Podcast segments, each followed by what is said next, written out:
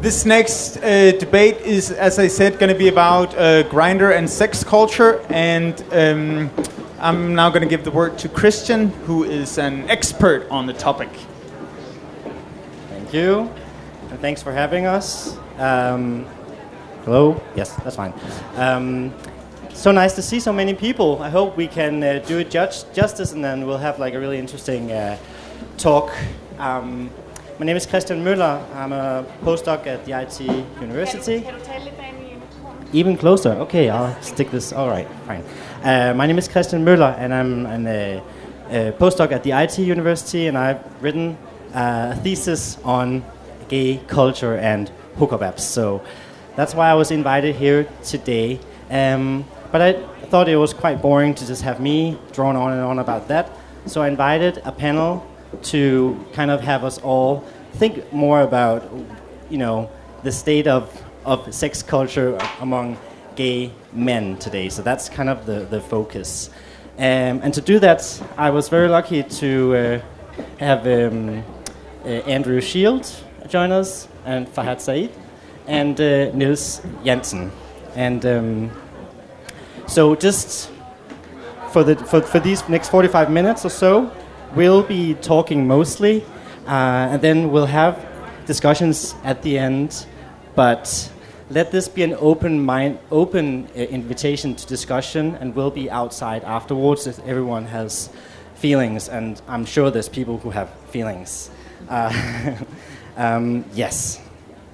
So um, maybe if we can have if we have the panel introduce themselves, if just a little bit about yourself and your interests, and maybe why you think we should talk about media and sex culture today. Hi, I'm Andrew Shield. I'm originally from the United States, and I am uh, also uh, researching Grindr in uh, Copenhagen, specifically how immigrants and other people who are new in town might experience the app in unique ways. Um, I've been really interested in Grindr and the culture of Grindr, in part because a lot that I hear about it is about. Um, whether or not it's changing gay spaces and physical places. And uh, although no, we're not necessarily talking about that today, um, that is a, a, big interest of mine. So, yeah. Hi, I'm Fahad. Uh, Fahad Saeed. I am a co-founder of Sabaah, Danish organization for uh, minority, minority ethnic LGBT uh, plus people. Uh, in my daily life, I work in a think tank called Mino Denmark. We're basically an interest organization or an NGO for ethnic minorities in Denmark. Um, my thoughts on this topic uh, are mostly I, I, haven't done any research on it. It's been uh, my uh, experience is personal, and also from my organization as well, from our members and the experiences that I've heard from our members, and I've heard lots of stories and have lots of experiences to, to talk about. Fantastic. Uh, my name is Niels. I am a transgender activist. I am gay. And this is kind of the first time I talk about being gay. Uh, I speak a lot about being trans and uh, do a lot of trans activism, but I was very pleased to be invited. And um, when it's my turn, I'm going to talk about why I don't use Grindr. Fantastic. And so we'll be mixing academical, activist, personal narratives just in a sweet big old mess today.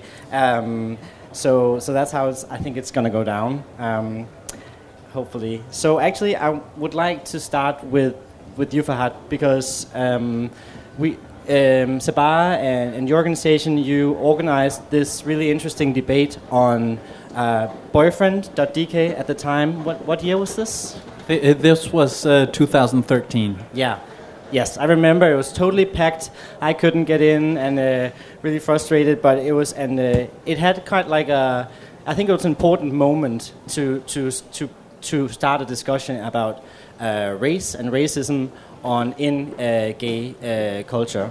Um, so, if you maybe for those people who weren't there, like me, could just maybe talk a little bit about who was there, what happened, um, and maybe just give us an oversight of like how do you feel this uh, discussion kind of has moved forward over the up until now.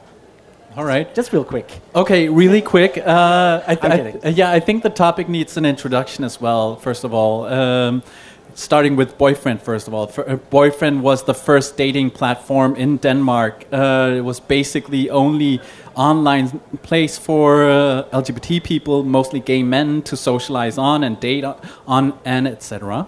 Uh, boyfriend has a lot of lounges, so it's uh, a lounge is a way of uh, marking your interest in something. And this particular lounge was called Tænder ikke på asiater. Uh, translated into not being, I, I am a person not uh, who's not turned on by Asian men. And this lounge uh, uh, is still around. I think it's still around. Um, and this lounge has, had been around for ages and ages. And some people were talking about it, and finally we were talking about it in Sabaah as well because we were fed up. Because this lounge uh, was perpetuating a lot of sexual racism uh, within our community, and it was being uh, marked as being okay because this is just my preference and and it was really harmful for a lot of people that that we talked to. So we finally organized a uh, debate about this, a public debate uh, in our own space, and we uh, tried to invite boyfriend uh, to join. They didn't join, and. Um, and somehow they we misunderstood each other, and they were upset uh, about not being invited, but they were initially in, uh, invited. But the debate was, as you said, it was packed. This was obviously something that really um, uh, got the attention of our entire community because we weren't the only people uh, talking about this. This was something that bugged a lot of people. So we had a room uh, full of people with a panel, um, a, a wonderful panel, talking about uh, sexual racism and racism in general. And uh, we had a room of a lot of people saying how wrong this lounge was.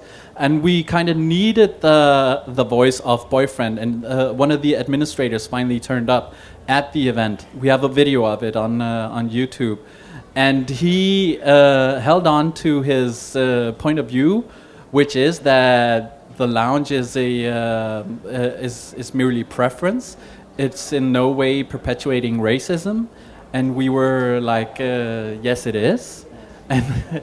So we, we didn't found, find middle ground with uh, the administrators, and um, but this was sort of my first experience with how uh, sexuality is also socialized. And not uh, it wasn't sort of an academic awakening but it was really uh, a, a real life experience of okay the things that i've been uh, communicating with other gay men on and those things that sort of shaped some of my first sexual experiences is not a safe place and it's a hateful place as well. And so that debate actually, it actually get, got you aware of like this is actually not okay. Other people have the same experience as me. Yeah. And so I was thinking, how do you feel with the kind of the and like I don't feel I don't think boyfriend DK is so much in use anymore. It's mainly Grindr and those apps. Um, how do you feel? Well, basically the culture on there is, and how about the dialogues about that culture? How how is that facilitated or not facilitated? Uh, so how conversations are on boyfriend? On sorry, on Grindr. on Grindr okay.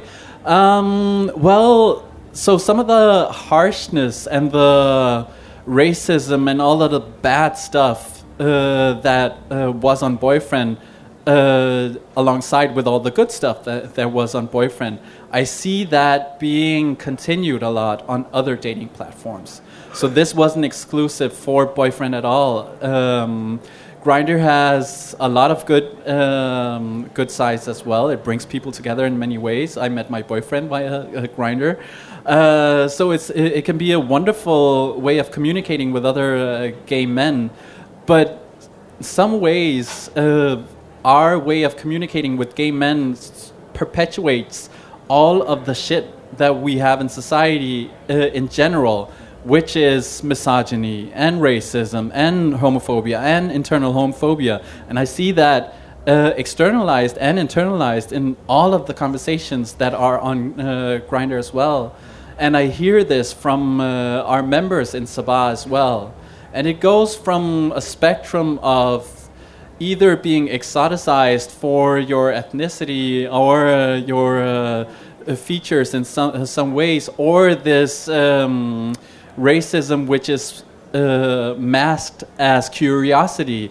Uh, and hidden insults and hidden racism, uh, like uh, a well-known um, pickup line, like, "Well, you know what? I usually don't go for insert ethnicity, uh, but you, specifically you, are somebody who uh, do something for me, in spite of me not being usually turned on by by people like you."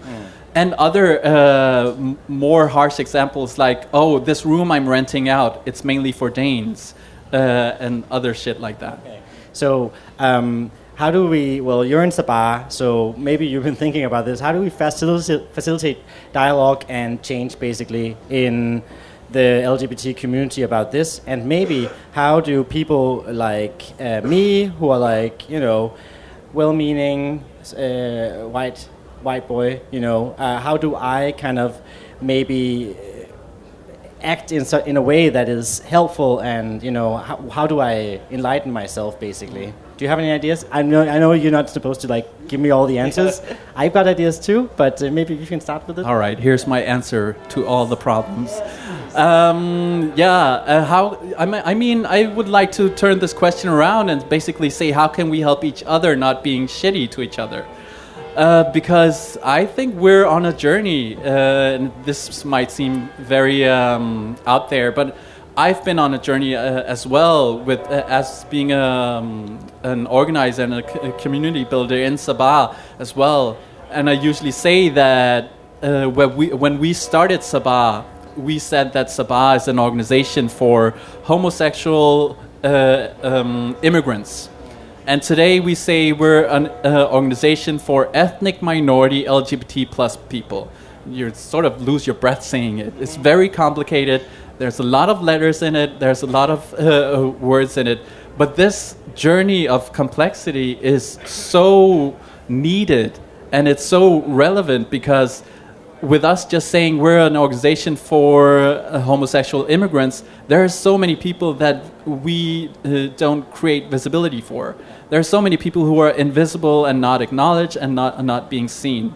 So we need to continue this um, complex uh, journey of sort of keep on, keep on educating ourselves of all the layers in the space that we're moving in trying to see all the, uh, the complexities in our own identity and trying to step off the, the platform sometimes and give space and power to those people who are not in power and that's where Sabaah enters. Yeah, Yeah. yeah. Um, I was thinking about the very concrete. If you look at Grindr and look at the interface and Scruff, and so there's these uh, preference categories, and where you can put in. Well, you can put in like who are you and what am I, and there are these uh, racialized uh, categories that you can uh, choose from to describe yourself, and to and I also think maybe sometimes choose what you're looking for, um, and I've been thinking about, well, this is me. I'm not only the moderator now, I'm also stepping in, but just like the very act of filling those out um, is also different from, from my perspective than from your perspective, you know? Uh, I'm, I can fill it out or I cannot fill it out. And, uh, and it's kind of like, it's pretty obvious if I fill it out. But like how do you, have you have you any of maybe also your members in the talked about this kind of like is there an expect, expectancy to to go along with the interface and actually self declare in a way? And how do you feel about that Well, I guess it's a, an economy in so uh, so many ways, and some things have value, and some things have less val- uh, less of value. This way, you see uh, a lot of our members and uh, yeah, the people that I know that hide specific aspects of their identity identity because it has less less value. Uh, hiding the fact that you're South Asian, for example, or hiding the fact that you're this or that ethnicity, or you're this or that body type, or you're this or that um, in any ways. And this creates a hier- hier- hierarchy of some things being of more value than uh, other things. Obviously, we all have preferences, uh, we're socialized in so many ways, but we're perpetuating it by creating these structures. Okay, so maybe it's a soft move. Maybe maybe over, over to Andrew, who has uh, actually been studying uh, these the the meeting. Correct me if I'm wrong, but like the meeting between these interfaces and structures that we're meeting in Scruff and Grindr, um, and the actual way that it's taken up mostly by people who come into Denmark who are new to Denmark. Um, how has uh, your uh, participants kind of like? What are some uh, some takeaways from them in regards to the navigation of these very complex categories of, of self-categorization?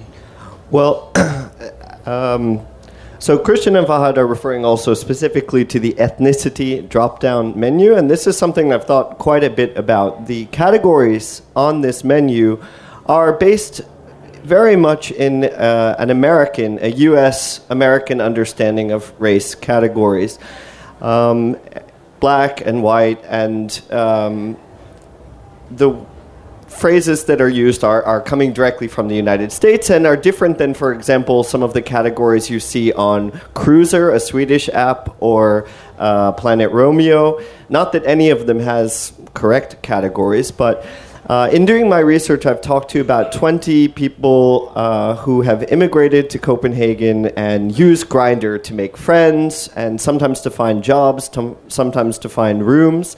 Uh, and these people have come from all over the world. Uh, I'm particularly interested in people coming from outside of Europe. And the ethnicity drop down menu is definitely an area that some people have taken uh, issue with. For example, one interviewee from Iran said, uh, Why am I Middle Eastern now? When I'm in Iran, I'm Iranian, and my neighbor is Afghani, and the other neighbor is Armenian, and now all of a sudden I'm Middle Eastern. I never was this before. Uh, so that's an example of how these categories don't necessarily um, uh, apply to a lot of people. Um, and actually, if you look at the percentage of people in Copenhagen who actually bother to fill out the categories, they kind of descend in a way that would make sense. So, for example, height has most people, 85% of Grindr users in Copenhagen, bother to fill out height. Why? Because you either tell the truth or you don't. Um, it's not that difficult. The same goes with your weight, and the same goes with your age. But that's not the case with ethnicity or body type or some of these other categories. And as the numbers go down, I think that shows that these are uh, giving you answers and responses that a lot of people don't even identify with. So, so maybe just to clarify, why do you think that less like that this sliding scale and people are not answering these last categories of, of race and ethnicity? What what are what are some reasons for that? I think that some people feel a discord between how they actually might want to identify their uh, their self in a variety of ways versus the categories that come from a drop down menu. And the drop down menu also is used for filtering and searches, mostly for people who have the paid version of Grindr. Um, and I think a lot of people might be trying to avoid that also.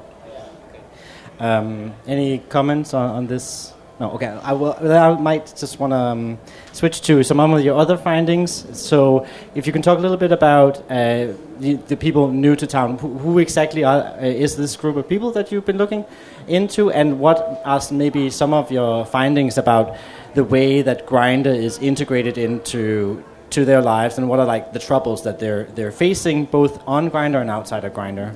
Yeah. Well, if we start with tourism.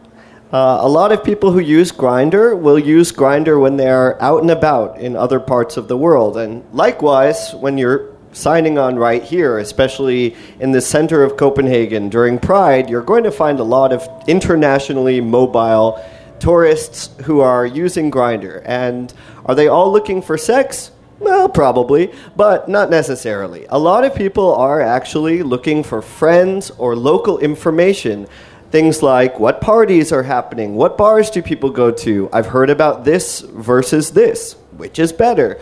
Uh, maybe even things like restaurants and um, uh, other suggestions. So you see tourists who ask for things like, um, I'm looking for a tour guide. And it's uh, really interesting how Grindr allows people to blur their desire between logistical and platonic and romantic and sexual requests that you might see s- smashed around into one small profile of 50 words. Um, Likewise, with an immigrant or somebody who's new in town, you also see, uh, well, immigrants or international students, you also see a similar uh, mishmash of ideas. Uh, people who are looking for sex or a relationship, also friends and to expand their network in that way, and also some people who are looking for jobs and for rooms. Uh, I even had an interviewee who talked about using Grindr to practice uh, Danish because it was an easy way to approach people and to talk, maybe even easier than talking to somebody at a bar. Okay, thank you. I think I'd like to move on to maybe a little bit of a.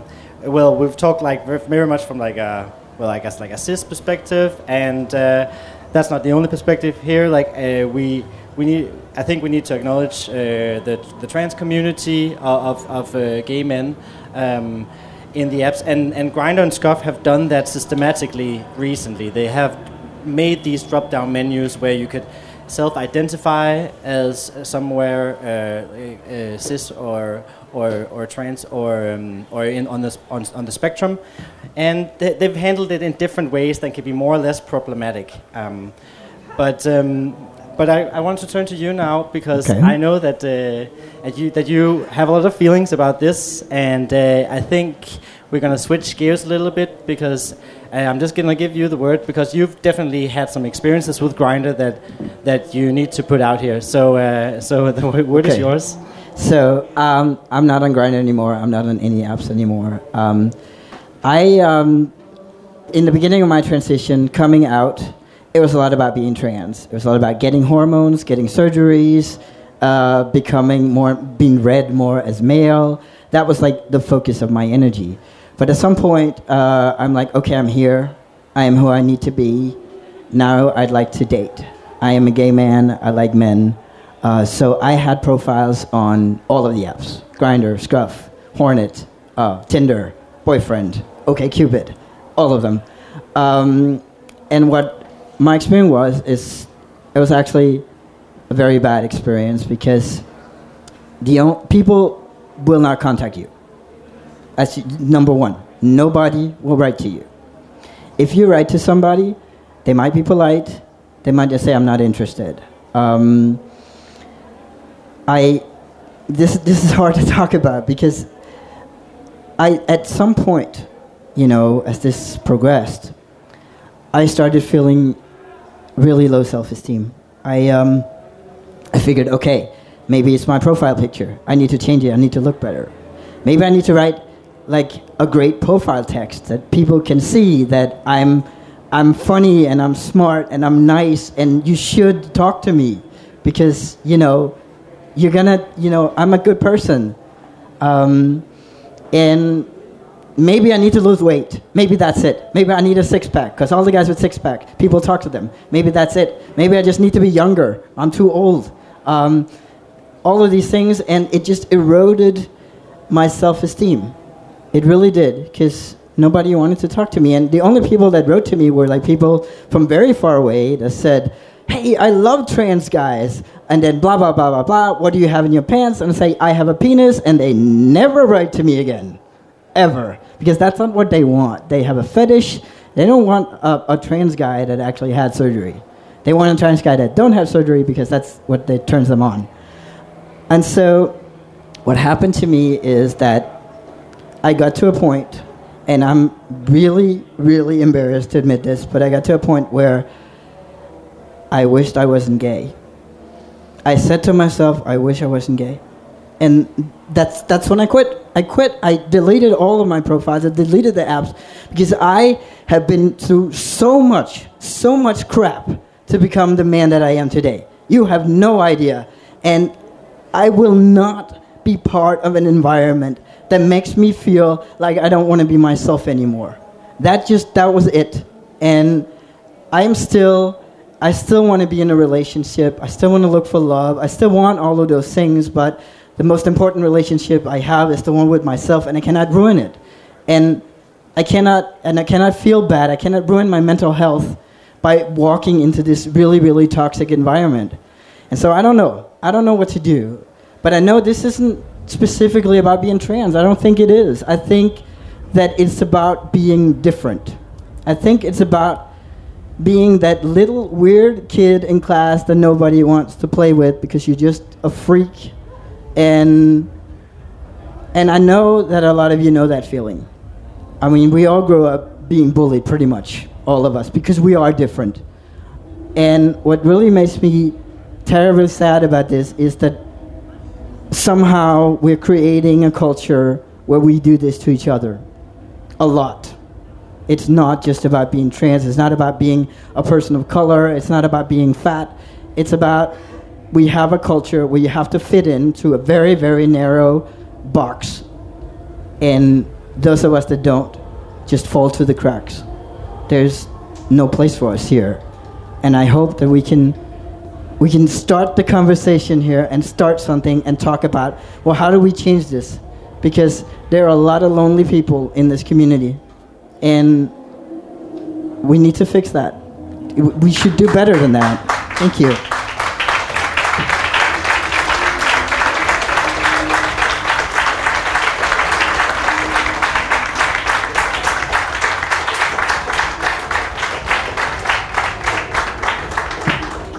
Thank you for that. Um, You're welcome. Um, yes, so we need to fix this. Um, we've we've been needing to fix this for many years. Uh, I think. How do you feel about um, the move from, you know, different dating platforms to Grindr? You know, the tone is definitely rough. We see it in the, the mainstream media as well. These kind of like anxieties about anxieties about that people speak really poorly to each other on Facebook in the public debate, and I think we see this here on Grindr as well. Um, and these issues of uh, you know fragile masculinity and, and these uh, naturalized ideas about uh, what desire is and where it, where it doesn't come from, how it's just here all of a sudden. Um, they've been here for, for a while. Um, how did you kind of like carve a space for your mental health? Like you quit Grindr.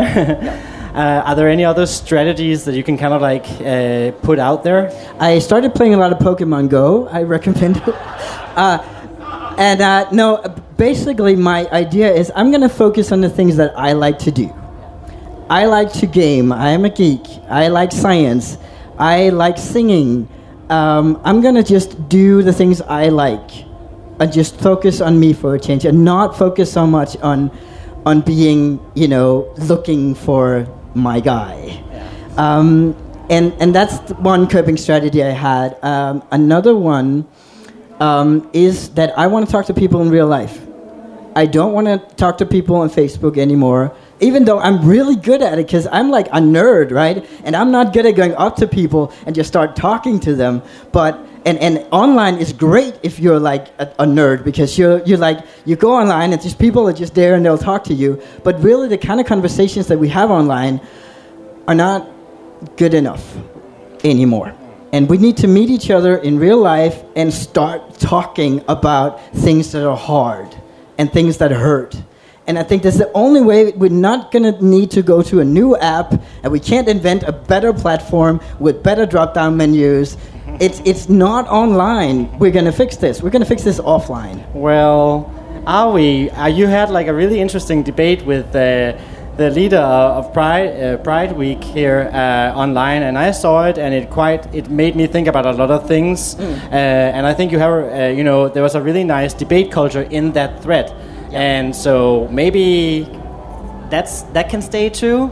Mm. Maybe it doesn't doesn't all of it have to be offline. It's true, but I think we, we need to we need to make sure that we also talk about these things offline, that we create spaces yeah. where we can talk to each other as men, not just for trans people, not just for women and trans people, which is a separate category. Uh, it needs to be a place for men, all kinds of men. And the thing about it is that we as trans people, we know something, right? We are changing the world right now. Like five years ago at Pride, There was a debate, I think it was five years ago, about trans, one debate about trans people, and they didn't invite a single trans person. And today we are here talking about not being trans but being gay.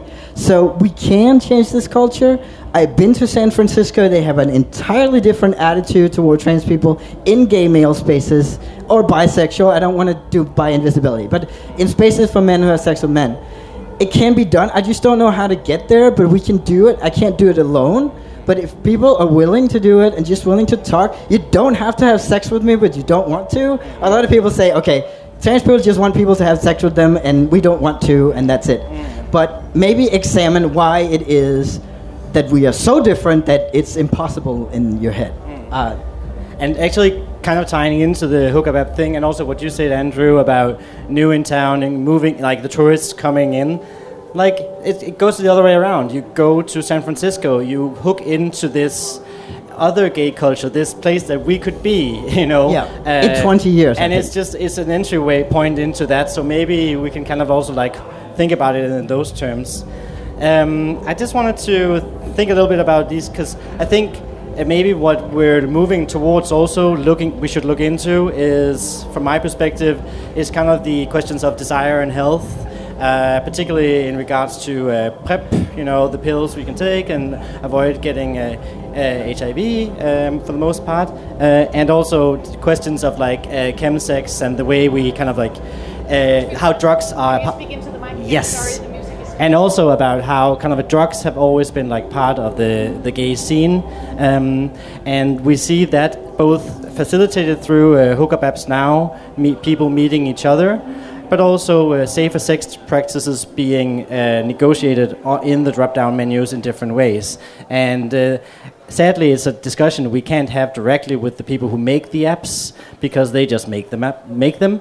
But uh, we need to continue these discussions in, in fora like this i think. Um, so that was just like a quick note on uh, on my perspective um, and i think actually yeah andrew Could I add one thing about um, about how to confront um, hurtful language on Grindr? Because I'm a little optimistic that the conversations and, and people can still make connections on Grindr.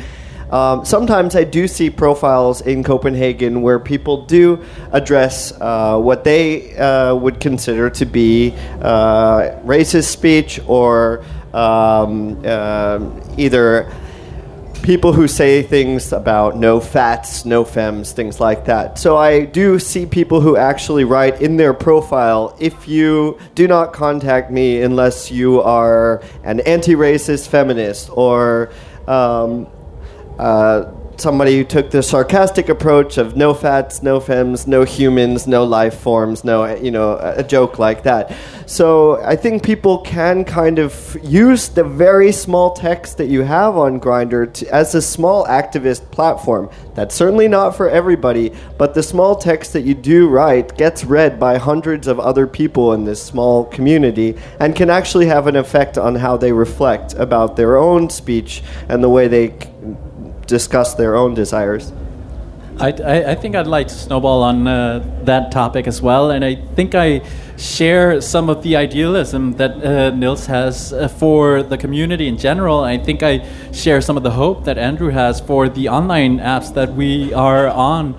Um, because I, I'm, I'm, s- I've seen change as well. I mean, th- it's been three or four years ago we had the debate uh, about the lounge on, uh, on, on Boyfriend, and now we're here. I'm seeing so much educating of ourselves and so many more spaces for having these types of conversations. And exactly as Andrew was pointing out, uh, people objecting to shitty stuff online and in the real world. So uh, I, I think I'm pretty hopeful for uh, both the online communities and our communities, communities in general as well, even though we're not there yet at all. Um, yeah, uh, the guys with those profiles, they don't want to talk to trans guys either. Just to let you know, it's not a guarantee that you're a good person. It's just it's a, a performance of some sort, but it's not, in my experience, um, it, it you can't be too different. I mean, you can be fat and femme, but definitely not trans. Yeah. Yeah, so uh, the the I think we see like a real difference here between like you say that it's quite a harsh statement to say it's a performance. Obviously, yeah, I can see uh, I can see the point, and that's you know there's certain things I can say. Oh, I'm a good I'm a good liberal, so I put this in there.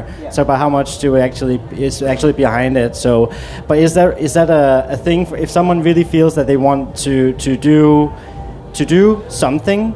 To just just mark themselves. Do you think that's a, a bad idea to, to do this, or how do you feel about it? I think it, you know it's always positive. Or, or, or maybe can I say, are there other things that might better to do? Yeah, uh, there's a little box that says I'm interested in trans people. Just ch- click it and see what happens. You know, uh, Yes. put you yourself go. out there. That's really important.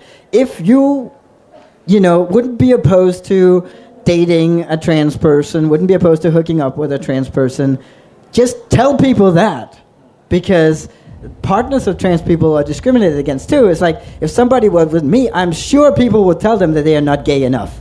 I am sure of it. Because, uh, because I'm trans, I'm somehow a woman, and thus you must at least be bisexual to even entertain the idea that a trans guy might be attracted to you. So, um, yeah, it's, uh, you know, just, and, and really what I really want to encourage people to do, examine your feelings, examine why um, you have been conditioned to think of a man in certain terms and just examine within yourself whether your preferences can change, whether you can open yourself up to exploring other options, um, and, and realize that this is about people. This is about human beings. It's not about size. It's not about color. It's about people connecting to each other. You remember that there's a person at the other end. I think we could, that would be, take us really far. It's not a type; it's a person. Okay, thank you. I think we, I'm gonna open up the last five minutes. Whoa, five minutes for questions. That's amazing. Um, anybody who uh, wants to have a question? Yes, I see a Klaus person there.